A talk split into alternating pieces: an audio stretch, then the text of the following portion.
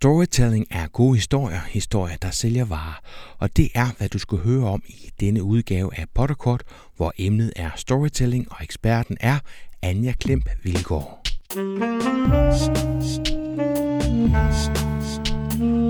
Velkommen til Potterkort, en podcast om markedsføring på internettet. Din vært er Ip Potter.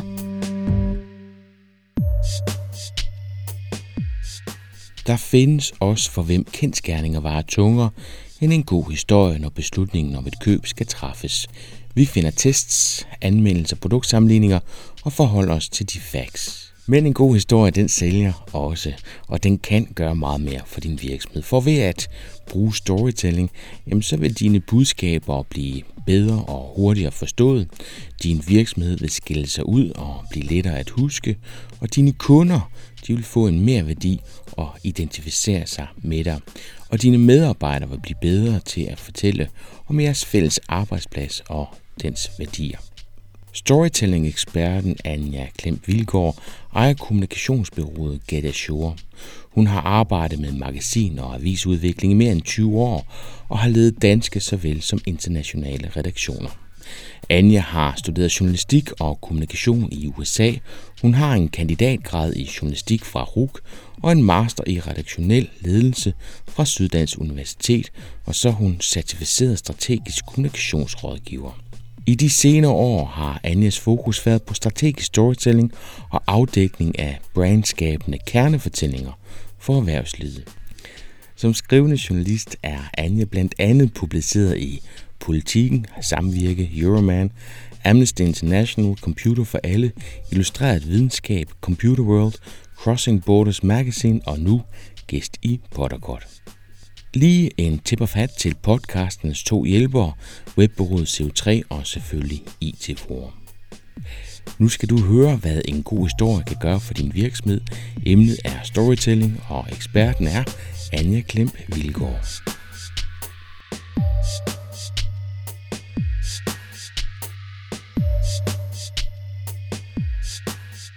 Jeg hedder Anja Klemp Vilgaard. Jeg er øh, professionel historiefortæller – jeg arbejder med corporate storytelling, som man kalder det for virksomheder. Øh, prøver på at hjælpe dem med at kapitalisere på den gode historie. Øh, og at blive i stand til at fortælle lidt om dem selv på en anden måde, end PR og markedsføring normalt gør. Og det er lige præcis det, vi skal snakke om i dag. Kan du ikke prøve at starte med, hvad er storytelling? Det er rigtig rart med et, et godt eksempel på en, en storytelling. Jamen altså, i virkeligheden, så tror jeg, altså, vi ved jo alle sammen godt, hvad historiefortælling er, hvad storytelling er. Det er, det er den metode, vi er vokset op med øh, at lære ting. Altså storytelling som udgangspunkt er en metode øh, at lære erfaringer, altså at lære hinandens erfaringer også. Storytelling er den måde, vi forstår verden på. Øh, storytelling er Øh, der, der findes nogle forskere, som har prøvet på at undersøge, undersøge det her emne lidt. Ikke? Der findes en, der hedder Yuri Hassan i USA på Princeton University for eksempel. Øh, han har lavet undersøgelser af den menneskelige hjerne i forbindelse med storytelling. Øhm, og han har blandt andet lavet sådan nogle undersøgelser, hvor han har sat elektroder på folks hjerner rundt omkring. Og så har han taget nogle forsøgspersoner ind i et lokale, og så har han bedt en med nogle elektroder på sit hoved om at fortælle en historie, og så har han bedt nogle tilhører om at sidde og lytte. Og så har han og hans team af forskere siddet og undersøgt, øh, hvor hjernen bliver aktiveret henne, når man hører de her historier. Og der har de faktisk fundet ud af, at, øh, at de bliver aktiveret samme sted, hvad enten man fortæller en historie eller lytter til en historie. Øhm, og det var så hans måde ligesom at sige, at det er som et bevis på, at man med historiefortælling faktisk kan nå sin sin tilhører med, med de samme følelser og sanser, som man selv ligesom aktiverer ved at fortælle en historie.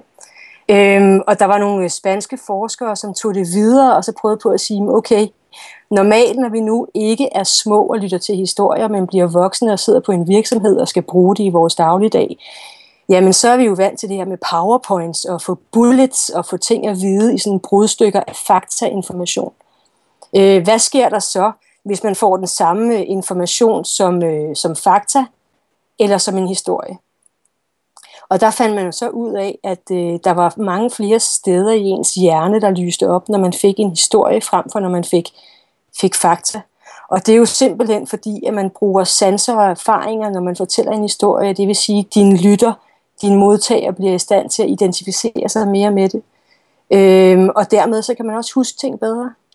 Jeg ved ikke om, om, øh, om sådan noget som en teknik, øh, Nemo-teknik, hvor man skal huske mange ting på én gang. Der er mange, som ligesom i World, altså Guinness Book of, øh, of World Records for eksempel, der er der nogen, der er gode til at huske rigtig store øh, brudstykker eller stykker af information. For eksempel, øh, hvor mange decimaler der er efter tallet pi. Øh, og den måde, de bruger til at, at, at, sådan, at lærer i deres hukommelse, det er, at man kan ikke have så mange faktainformationer lagret, og så huske dem alle. Men hvis man for eksempel forestiller sig, at man går igennem sin mormors lejlighed, hvor man har været mange gange, og så ligger 3,1 der og 4 der, og så kører alle de her øh, decimaler igennem, så bliver det altså langt nemmere at huske, fordi så behøver man bare huske på indgangen, og der, hvor man hænger sin jakke, og der, hvor man har øh, tænder kaminen, eller der, hvor man plejer at sove, så ser man alle de her ting, man skal huske for sig, ved hjælp af de sanser, man normalt bruger. Og det er jo så det, storytelling netop gør, ikke? det er, at den aktiverer de sanser, som gør, at man lærer informationer og lærer hinandens erfaringer på en anden måde, end hvis man bare får, får fakta og bullets. Så det hjælper til at kunne forstå, og ikke mindst også at huske det, du bliver sagt? Ja, præcis.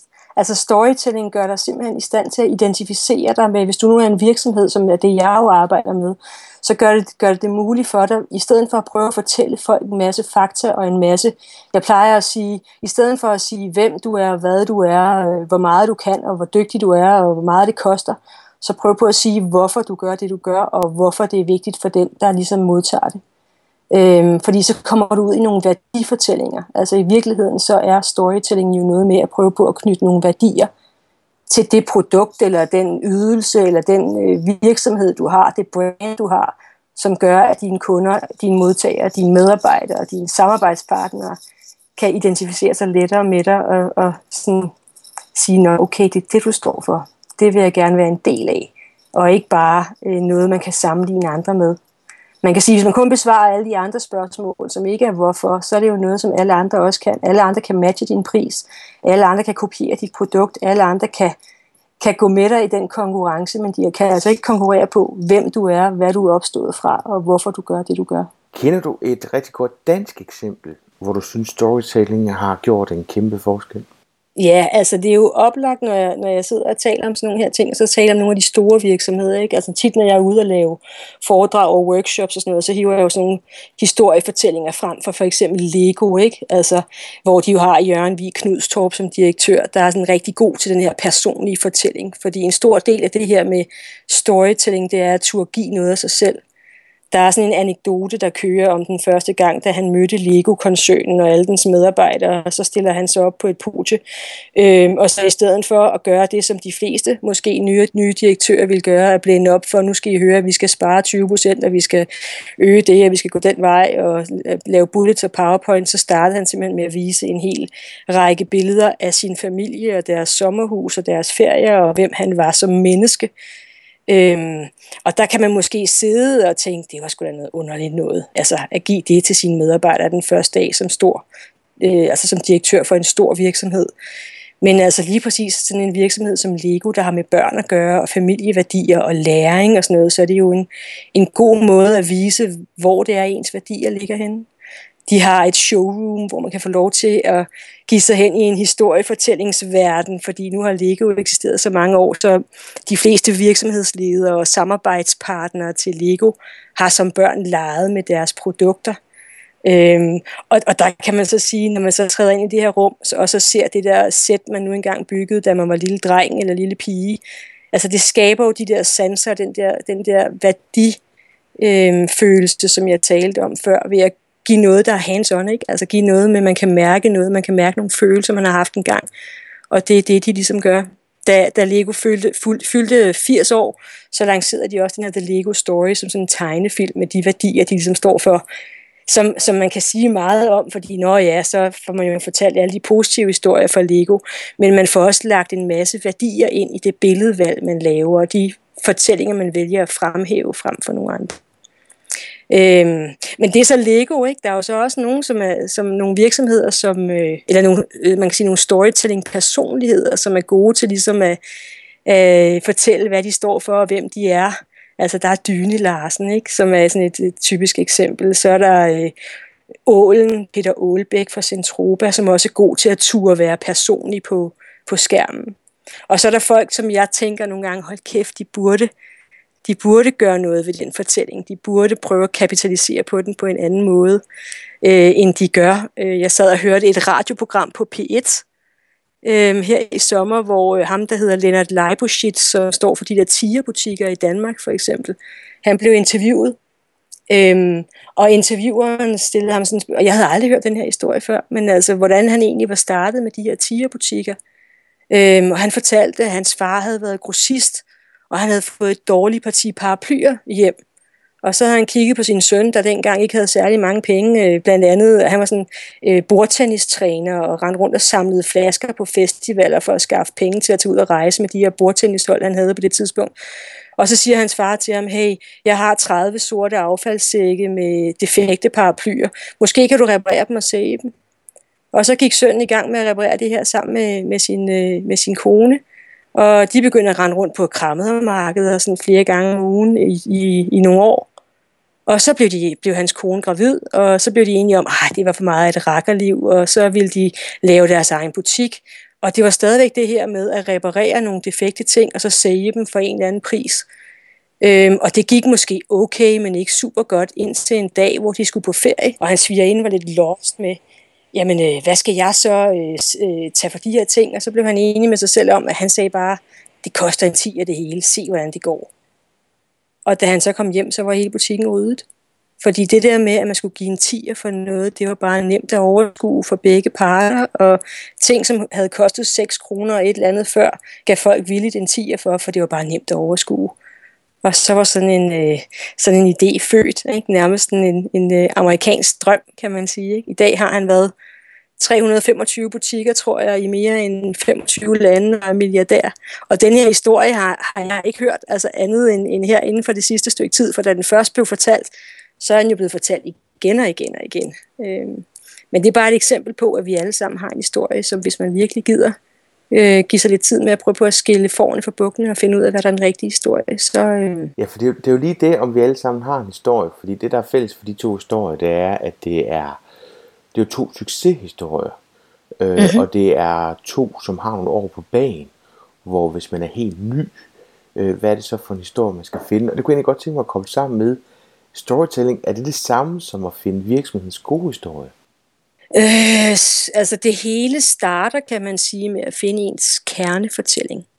Altså det her med at finde er essentielt, fordi det er ikke noget, man kan, man kan kreere, det er ikke noget, man kan finde på, det er ikke noget, man kan øh, synes, synes er en god historie, og så give den videre. Altså øh, det drejer sig om at finde den kernefortælling, som ens virksomhed er bygget op omkring. Det starter tit med den idé, som gør, at man oprindeligt synes, det var en god idé, det man lavede. Den værdi, der skabte det hele. Og hvis man er en ny virksomhed, så er den der kernefortælling faktisk som regel ganske nem, fordi den er så ny, så alle ved, hvad det drejer sig om. Problemet er så, når virksomheden bliver større, der kommer flere medarbejdere til, nogle gange bliver til flere afdelinger, nogle gange så, har den, så eksisterer den i så mange år, så den skal ændre, øh, følge nogle andre markeder, end den måske har gjort før, eller ændre produktet. Og så kan den kernefortælling, som startede det hele, pludselig forsvinde lidt i alle de andre fortællinger. Det der hvorfor kan pludselig forsvinde i, oh, vi skal også være der, vi skal også øh, ud og prøve at sælge noget til dem, og oh nej, nu har vi en konkurrent, der gør sådan, så gør vi det i stedet for. Så ja, det starter med at finde kernefortællingen og prøve på at, at gøre den til sit brand og fortælle den igen og igen på flere kanaler. At få ens medarbejdere til at blive ambassadører på baggrund af den kernefortælling. Men det drejer sig også, det er jo en metode. Altså storytelling er jo selvfølgelig at finde den gode historie, kernefortællingen, og bibeholde den, og passe på ikke at smide barnet ud med badevandet, når man ændrer sig. Men det er også et spørgsmål om, at man, øh, at man skal være, være villig til at give noget af sig selv, og man skal turde stå på mål for det, man står for. Det er hvorfor man ønsker at besvare. Og også, at man i et langt stykke af vejen skal være villig til at sige, at det er kunden, der er den vigtigste. Altså, rigtig mange virksomheder gør jo den fejl, at når, de skal, snære, siger til dem, hvorfor er det her vigtigt for jer, hvorfor er det her en vigtig historie, så siger de, jamen det er vigtigt, fordi at vi vil gerne, eller vi har et problem med, at vores kunder ikke ved, eller vi synes, at, og når man starter der, så får man automatisk et problem, fordi så er det en selv, man gerne vil ud og sælge. Altså, så er det ikke, hvorfor man er interesseret i at sælge, hvorfor det er vigtigt for din kunde, hvorfor det er vigtigt for, for dig at gøre verden til et bedre sted med det, du har, du gerne vil sælge, eller yde, eller informere om. Og det er så også det, du går ind og hjælper med, Anja. Nu var vi to sammen for et par uger siden, hvor vi løb ind i ham her Jamboy, den her skotske dreng, som, som 14-årig tog sin bedstemors opskrift på marmelade, og i dag der har han en, en mega forretning i at, at sælge det her Super Jam. Den historie har han vel også fået hjælp til at fortælle, fordi det undrer mig lidt. Den historie hænger ikke rigtig sammen med produktet i dag. Øh, jeg er med på, at det var en gammel opskrift, han tog fat i, men, men kan på hans jam i dag er jo netop, at der ikke er sukker i, og det har egentlig slet ikke noget med den historie at gøre. Nej, og hvad jeg sad og tænkte under hele det foredrag, det var jo netop, at det her havde jo aldrig nogensinde været den samme succes, hvis han ikke havde været 14 år. Altså hvis han havde været 25 eller 35 og havde, var, havde besluttet sig for at gå ud på markedet med sin, sin bedstemors opskrift på marmelade, så havde det jo nærmest bare været, jamen det er jo et produkt, vi har set før, og det er jo nærmest en kliché af alt det andet. Øh, men at være 14 år gammel og at rende rundt og banke på hos så mange virksomheder og prøve på at sælge sin bedstemors opskrift på marmelade, jamen der er så meget historiefortælling i det, og det lægger sig op af hele den der dannelsesrejse, som et hvert eventyr ligesom er strikket op omkring. Ikke? Altså hvis man, når, når jeg går i gang med at fortælle de virksomheder, jeg har med at gøre med, hvordan man reelt set så bruger storytelling, så taler jeg jo tit om det, der hedder berettermodellen. Ikke? Det der med, at der er en, altså det, det er den, som alle eventyr er bygget op om. Ikke? At man starter et sted, og så går man ud i verden, og så møder man en gammel dame, der fortæller en, nu skal du høre her, og så er det point of no return, som man kalder det. Så ved man, nå okay, nu skal han nok klare sig og vinde prinsessen af det halve kongerige. Og den samme historie har han jo netop øh, lagt ved på. Ikke? Det er jo hans alder kombineret med, med den her gamle dame, og det her marmelade, som vi alle kender, og så den her villighed til at være iværksætter ud over alle grænser, som han jo har vist, at han havde. Det er jo det, der er den gode historie. Det er jo ikke nødvendigvis opskriften på marmelade, som hans bedstemor har, har fundet på, eller har fået givet videre. Anja, har du eksempler, hvor storytelling ikke har, har bidraget med noget, eller hvor den er blevet brugt forkert? Jamen, der er masser af eksempler. Ikke? Altså, der er mange mennesker, der, jeg tror, tænker, at storytelling er noget, der kan fikse et eller andet. Altså, at, at de tror, det er et one size fits all et eller andet sted. Man kan, man kan bruge det, men, men altså, storytelling er jo ikke varm luft eller tom retorik. Altså, øh, det er ikke bare PR. Det er noget med, at man skal finde ind til den kerne af den værdi, som, som man kan se, at du står for. Altså, som er tydelig i din virksomhed, at du står for. Og hvis jeg skal give, altså, jeg har, jeg, jeg blev engang jeg, for her for nogle måneder siden, der blev jeg inviteret ud til en virksomhed, der, der skulle have sådan en dag for sine medarbejdere og chefer, og så sagde de til mig, om øh, de kunne godt tænke sig øh, noget storytelling, om ikke jeg kunne tænke mig at komme ud og fortælle noget om storytelling. Så siger de, det kunne jeg da sagtens, og så siger de, Nå, men, fordi valget står mellem øh, dig eller Jan Gindberg. og så sagde jeg, okay. Og så sagde de, ja, altså, er du sjov, ligesom han er? Om kan du underholde, ikke? Og så tror jeg nok, jeg har trukket en lille smule på det, og så har jeg sagt, ja, altså jeg er jo ikke sådan haha, som Jan Gindberg, sagde jeg så. Og så kiggede ham her chefen på mig, og så siger han, nå, du er måske mere aha. Og så sagde jeg, ja, det tror jeg faktisk er helt rigtigt. Ikke? Altså, jeg er ikke haha, jeg er måske mere aha, og det er lige præcis det, jeg mener, storytelling er. Storytelling er øh, en måde, man ligesom øh, underholder på, ja, men man underholder for forståelsens skyld. Altså man underholder, fordi man rent faktisk gerne vil give noget. Øhm, og det er autenticiteten, der sælger, det er ikke alt det andet. Det er ikke alt det der haha. Øhm, det er pakket ind i en underholdningsværdi. Det er pakket ind i nogle erfaringer fra mennesker, fordi mennesker kan lide at høre om andre mennesker, men man skal have noget på hjerte, ellers er det ligegyldigt. Og så timing essentielt. Ikke? Altså nu spurgte du, om jeg kunne komme med et eksempel på det her, og jeg øh, sidder og tænker sådan noget som Danske Bank for eksempel havde for, øh, for nogle år siden, jeg tror det er tre år siden, øh, havde de en kampagne, der hed øh, A New Normal, Demands New Standards, eller sådan noget lignende. Øh, og der viste de sådan en, øh, sådan en film, hvor, hvor de gik ud. Sådan, det er jo så midt, mens øh, finanskrisen er startet. Alle folk har en holdning til banker på en bestemt måde. Og så laver de faktisk en ret effektfuld storytelling-kampagne, hvor de de viser isbjerge, der smelter. De viser øh, små børn på to år, der sidder med iPads i deres hænder og kan be, altså betjene dem uden problemer. De viser øh, kvinder på Wall Street, der sidder og sælger og, og køber aktier og sådan noget, med små børn på skødet. Øh, de viser kvinder, der kysser, og, og folk til de paralympiske lege med, med falske ben nærmest, der kan løbe og, og vinde medaljer.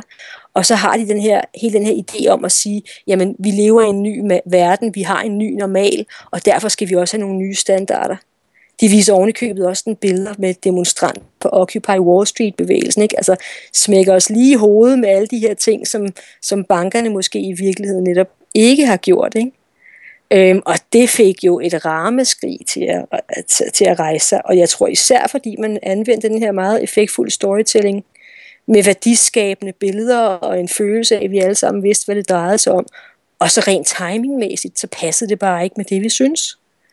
Altså, de fik jo, jeg ved ikke, hvor mange sure mennesker over, så er ikke noget med øh, folk, der synes, de var skurke, og hvad var de ude efter at, at have, at vi skulle tro.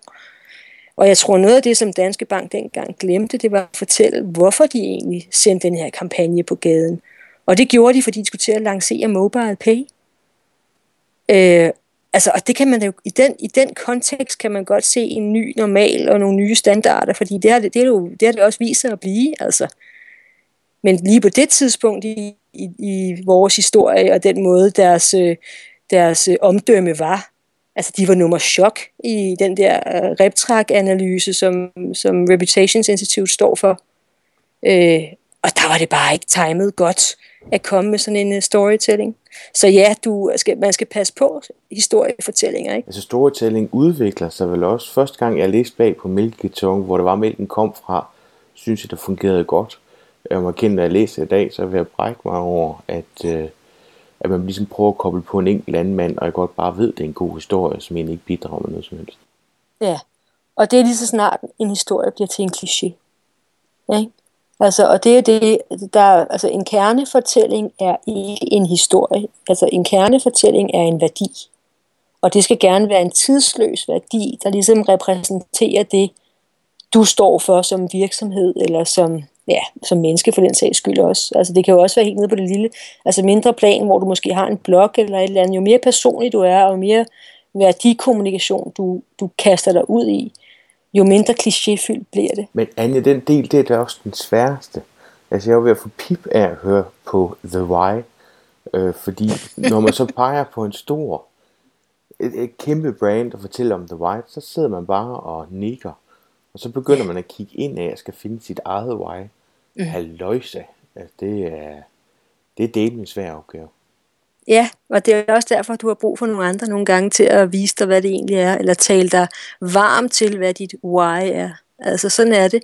Men, men altså, jeg er overbevist om, at du har dit why, jeg har mit why, altså, og de store virksomheder har det. Og, og i virkeligheden, når vi træder ud af den der faglige scene og går ind på vores privat scene, når vi møder nye mennesker, og skal fortælle et nyt menneske, hvem vi er, så starter vi med de der hvem, hvad, hvor, hvad laver jeg, hvad arbejder jeg med, hvad, altså helt nede på det, på det helt personlige plan. Og i det øjeblik, vi gerne vil øh, aktivere dem noget mere, måske få et venskab ud af det, så begynder vi at dele de vigtige historier. Så begynder vi at fortælle nogle erfaringer, der betyder noget for os i vores liv. Ikke? Også nogle, som nogle gange sætter noget på, på spil for os. Ikke? At dele en privat erfaring, som har betydet noget for os som menneske, kan godt gå hen og være en lille smule sårbart at dele med nogle andre, men det er også der, vi opnår det venskab, eller den der identifikation mellem to, øhm, som gør en forskel. Men der har timing også noget at sige. Altså dem, jeg møder, der starter med The Why, de skræmmer mig.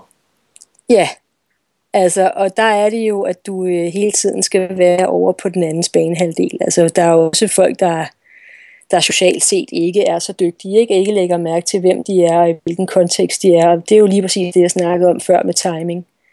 Du kan ikke kaste ud i et why, som ikke giver mening, eller som ikke er på det rigtige tidspunkt.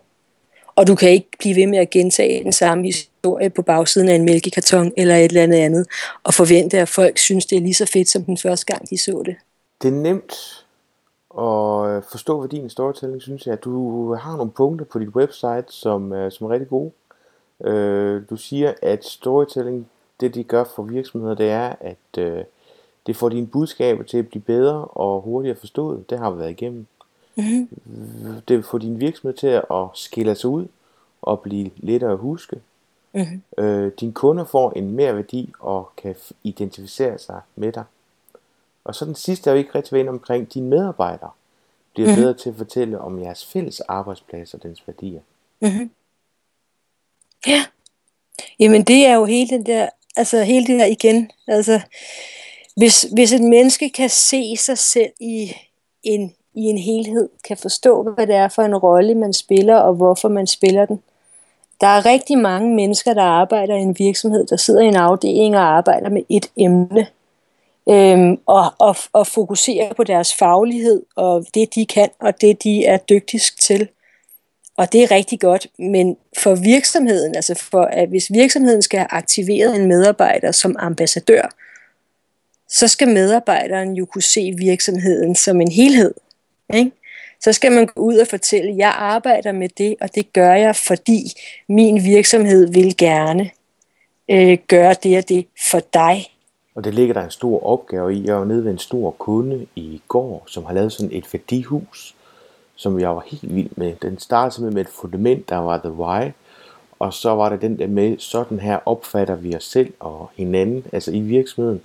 Og så taget på huset, det var så det her, sådan her vil vi gerne have, at vores kunder opfatter os.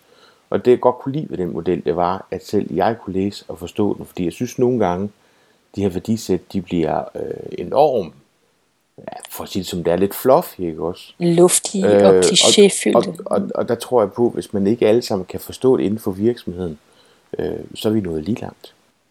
Ja, præcis. Ikke? Og vi ved det jo alle sammen som kunde, når man kommer ind i en virksomhed. Hvis de siger, at der er højt til loftet, og de er, der er flad struktur, og her, der har, altså, man, hvis man søger et nyt job et sted, så, så, så kigger vi jo også, altså nu havde de lavet en tegning af et hus, og vist, hvad de tænkte, ikke? Men det er jo også det der fysiske spejl, vi møder, der fortæller os om den historie, giver mening. Altså smiler de i receptionen, sidder direktionen på toppen af virksomheden, har direktøren de store kontorer, eller sidder de som en del af et stort kontorfællesskab. Altså der er jo rigtig meget signalværdi i den måde, man ligesom stiller en virksomhed op på, og, og øh, de mennesker, man møder. Altså hvordan, hvordan bliver man mødt? Hvordan bliver man altså, hvordan ser det ud der, hvor man træder ind? Det er det, som altså, det fysiske miljø spiller en rolle på den fortælling, du laver. Altså, og det er jo det er igen det der med, som mennesker, når du, når du taler med mig, øh, så hører du måske, som regel siger man 7% af det, jeg siger, er mit indhold, resten af min stemmeføring og min troværdighed på, hvordan jeg ser ud, eller hvordan jeg bærer mig, eller hvordan jeg, at de eksempler, jeg trækker frem, og så videre. Øhm, så, så der er rigtig meget, der ligger i alt det, rundt om. Øhm, og, og i virkeligheden så er storytelling jo baseret på handlinger. Altså uden en handling og uden noget i den fysiske verden, så er der ikke noget at tale om. Så derfor så skal man også hele tiden som virksomhed huske, at det er meget fint at have visioner og missioner og lidt fluffy statements. Altså vi kender det jo alle sammen. Have siddet til et seminar en hel dag eller flere dage i træk og have fundet de der visions- og missionsstatements. Øh, og så går der to uger, og så bliver vi bedt om at fortælle, hvad var det så, de var. og så kan vi sgu ikke rigtig huske det, vel? Jeg har været igennem de der gule sædler så mange gange. Øh, og post-its op på... Øh, nej, ikke? Du kunne godt have skrevet ned fra starten af. De lå ja. der noget. Ja, og, og det er det, som er ligesom hele kernen i mit budskab. Det er, det går bare ikke. Altså, vi husker ikke de der sætninger. Vi husker ikke de der, vi er etiske, vi er... Øh, vi er øh, hvad hedder sådan noget, medmenneskelige, og vi er, altså, ja okay, hvad dækker det over? Må jeg høre en historie, der fortæller mig præcis, hvad du mener at, at være medmenneskelig, eller at være en god samarbejdspartner, eller altså, hvad, hvad dækker det over? Ikke? Og der forstår jeg det meget bedre, når du fortæller mig en historie med et, re- med et reelt eksempel, med nogle sanser, og, og nogle beskrivelser, som, som jeg så kan sige, ja, det er jo så ikke det, der er min værdi, eller, nå ja, nu forstår jeg, det er præcis også det, jeg synes. Anne, hvordan kommer ja. man som virksomhed i gang med storytelling? Er det med at finde sin kernehistorie eller Ja, det vil jeg råde øh, enhver virksomhed til. Altså jeg, normalt så kører jeg sådan et, et, et, nogle forløb, hvor jeg kører det sådan sideløbende, ikke? hvor man kører noget med, altså når man finder en kernefortælling, det jeg gør i hvert fald, det er, at jeg går ud, så interviewer jeg, det er et større analysearbejde, ikke? så interviewer jeg virksomhedens samarbejdspartnere, virksomhedens kunder, virksomhedens medarbejdere, dens chefer, og så finder jeg det overlap i fortællinger, som alle mere eller mindre kan identificere sig med, og der er altid et overlap. Altså, der er altid en selvforståelse, som matcher forståelsen udenfor. Øhm, fordi en, en kernefortælling skal fagne øh, både kunder og, og, og internt, altså medarbejdere og dem, man arbejder sammen med og sådan noget. Og når først den er fundet, altså, så er det jo også noget, så er det jo en ren og skær hvad hedder sådan noget, håndværksmæssig øvelse. Altså, for cheferne drejer det sig om at lære at bruge narrativer i deres ledelse. Altså, det kan være, det kan være lidt angstprovokerende for nogen, tror jeg. Altså det der med at begynde at skulle sige, okay, jeg kan ikke bare sige, vi skal spare 20 procent, eller øh, vi skal gøre sådan og sådan, fordi det siger ledelsen. Nej, jeg skal, jeg, skal, jeg skal prøve på at fortælle en fortælling, der giver mening for jer, som I kan gå ud og fortælle videre, sådan så den er så nem at huske, så I ved præcis, hvad det er, og hvorfor vi gør det her, og det er ikke bare noget, der kommer op. Det er noget, der skal have mening og betydning for din hverdag og det stykke arbejde, du yder. Og for medarbejderne, så drejer det sig jo om, at man skal have en struktur. Altså, der skal være nogen til at samle de her historier ind. Så der skal jo også være nogen, der, der tænker, at de her historier skal altså fortælles. Der skal også være nogen, der vinkler de her historier. Der skal være nogen, der finder ud af, hvilken platform de skal ud på. Altså, så der skal være en struktur i en virksomhed, og det er ofte ren og skær håndværk. Altså, det er noget med at nedsætte en struktur, finde nogle mennesker, lære dem nogle værktøjer. Øhm, og der har jeg, altså som, som virksomhed, der arbejder med det her, der har jeg været ude og tænke, altså jeg, jeg ser rigtig mange virksomheder, der er i stand til at gå ud og sige, nu skal I høre her, hvorfor storytelling virker, og teorien bag. Men når det så kommer til, hvordan I bruger det i hverdagen, så bliver det svært, ikke? Og det er derfor, det er det, jeg ligesom har sat ind med at sige, okay, så jeg måtte udvikle nogle værktøjer, simpelthen noget, noget der er nemt at bruge, og nogle små kort, nogle små, øh, ja, nogle små sætninger, man skal have besvaret, når man skal lave en historie, eller en, en måde at finde den på, som jeg simpelthen giver dem som redskaber, som de skal bruge dagligt øh, i deres historiefortælling. Fordi det er en øh, learning by doing. Man bliver dygtigere og dygtigere til det. Det er ikke noget, man kan fra start. Og man kan ikke bare få en teoretiker til at komme ind og fortælle dig teorien bag, og så sige, værsgo, prøv at lege med den. Det er altså noget, man skal øh, ja, opøve en kunde til at kunne. Anne, hvor vil du sende øh, lytteren hen, hvis man gerne vil blive klogere på, hvordan man kan bruge storytelling i sin virksomhed? Jamen altså, jeg kan jo starte med at give nogle bøger, ikke? Altså, ofte skal man jo kigge over til USA, ikke? Fordi USA har leget med det her emne i mange flere år. End, altså i virkeligheden er vi stadigvæk i opstarten herhjemme med at bruge storytelling. Det er mange af de større virksomheder, som har kastet sig ud over det. Der er, øh, der er også nogle amerikanske virksomheder herhjemme, jo, som er sådan mere globalt arbejdende. Der er den virksomhed, der hedder 3M for eksempel. De har helt afskaffet bullets og powerpoints, det må man slet ikke bruge. De bruger strategiske narrativer. Så man kan dels kan man jo prøve at kigge lidt til, øh, til amerikanske virksomheder af den type. Måske også nogen, som er herhjemme. Man kan også læse en bog af for eksempel Jonathan Gottschall, hedder han. Han har lavet en bog, der hedder The Storytelling Animal. Den handler meget om sådan noget, hvordan vi som mennesker, og hvordan vores hjerne er indrettet på at forstå historier. Der får man sådan ideen om, hvorfor det egentlig virker.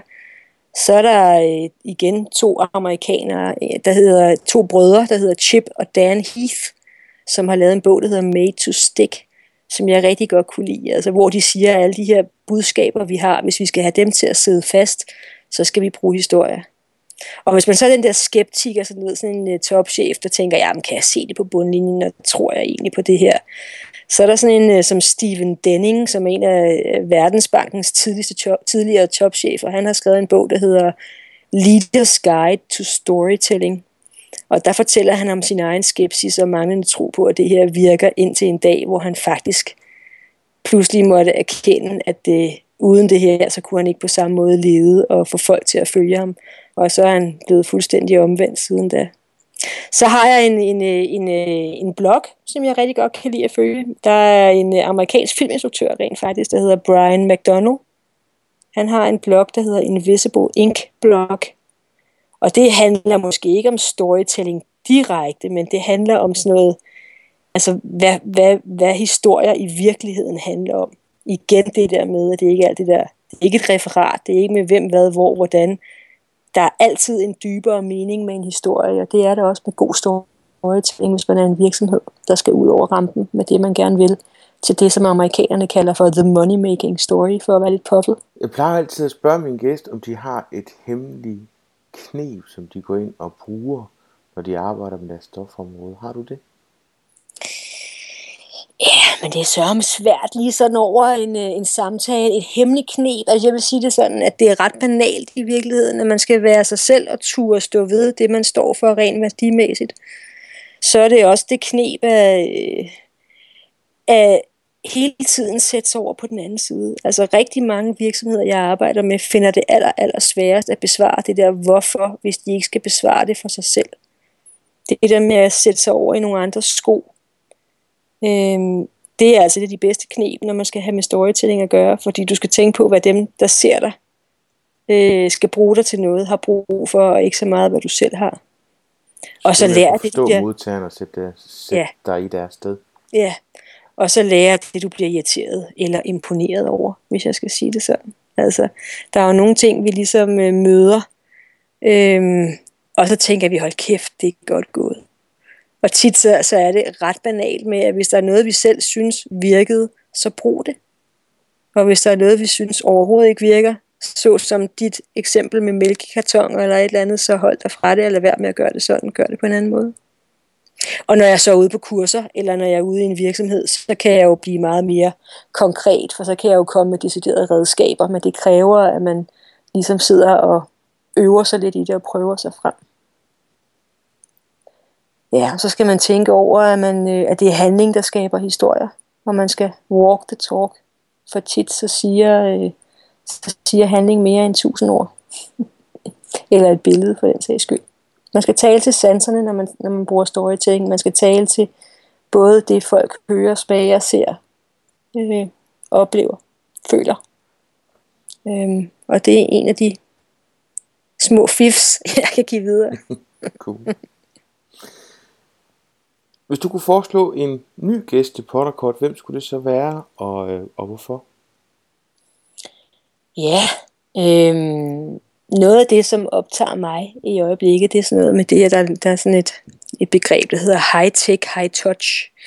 Altså det der med, at jo mere digital og teknisk verden bliver, og jo hurtigere den går, jo mere har folk brug for at trække sig lidt tilbage og opleve stillhed, eller en mere sådan følelse af at være tæt på hinanden. Og der er sådan en, øh, som hende, øh, Anne Skare, som er fremtidsforsker. Hun ved en masse om det her med high-tech versus high-touch. Og jeg tror, det kunne være ret spændende og inspirerende at høre hende fortælle noget om den verden, vi er på vej ind i. Øhm, en af de her tendenser, der kommer til at betyde rigtig meget for vores markedsføring sådan fremad, og som faktisk allerede gør det. Så hvis jeg skulle foreslå det at tale med nogen, så ville det være hende, tror jeg. Det er, hvad vi nåede i denne omgang af Potterkort, og en stor tak til Anje for at introducere os til området storytelling. Og husk, den eneste måde, du sådan set overhovedet kan hjælpe podcasten på, det er at dele med en god ven, eller hoppe ind og give den en god rating, eller bare give en thumbs up på de sociale medier. Til vi høres ved igen.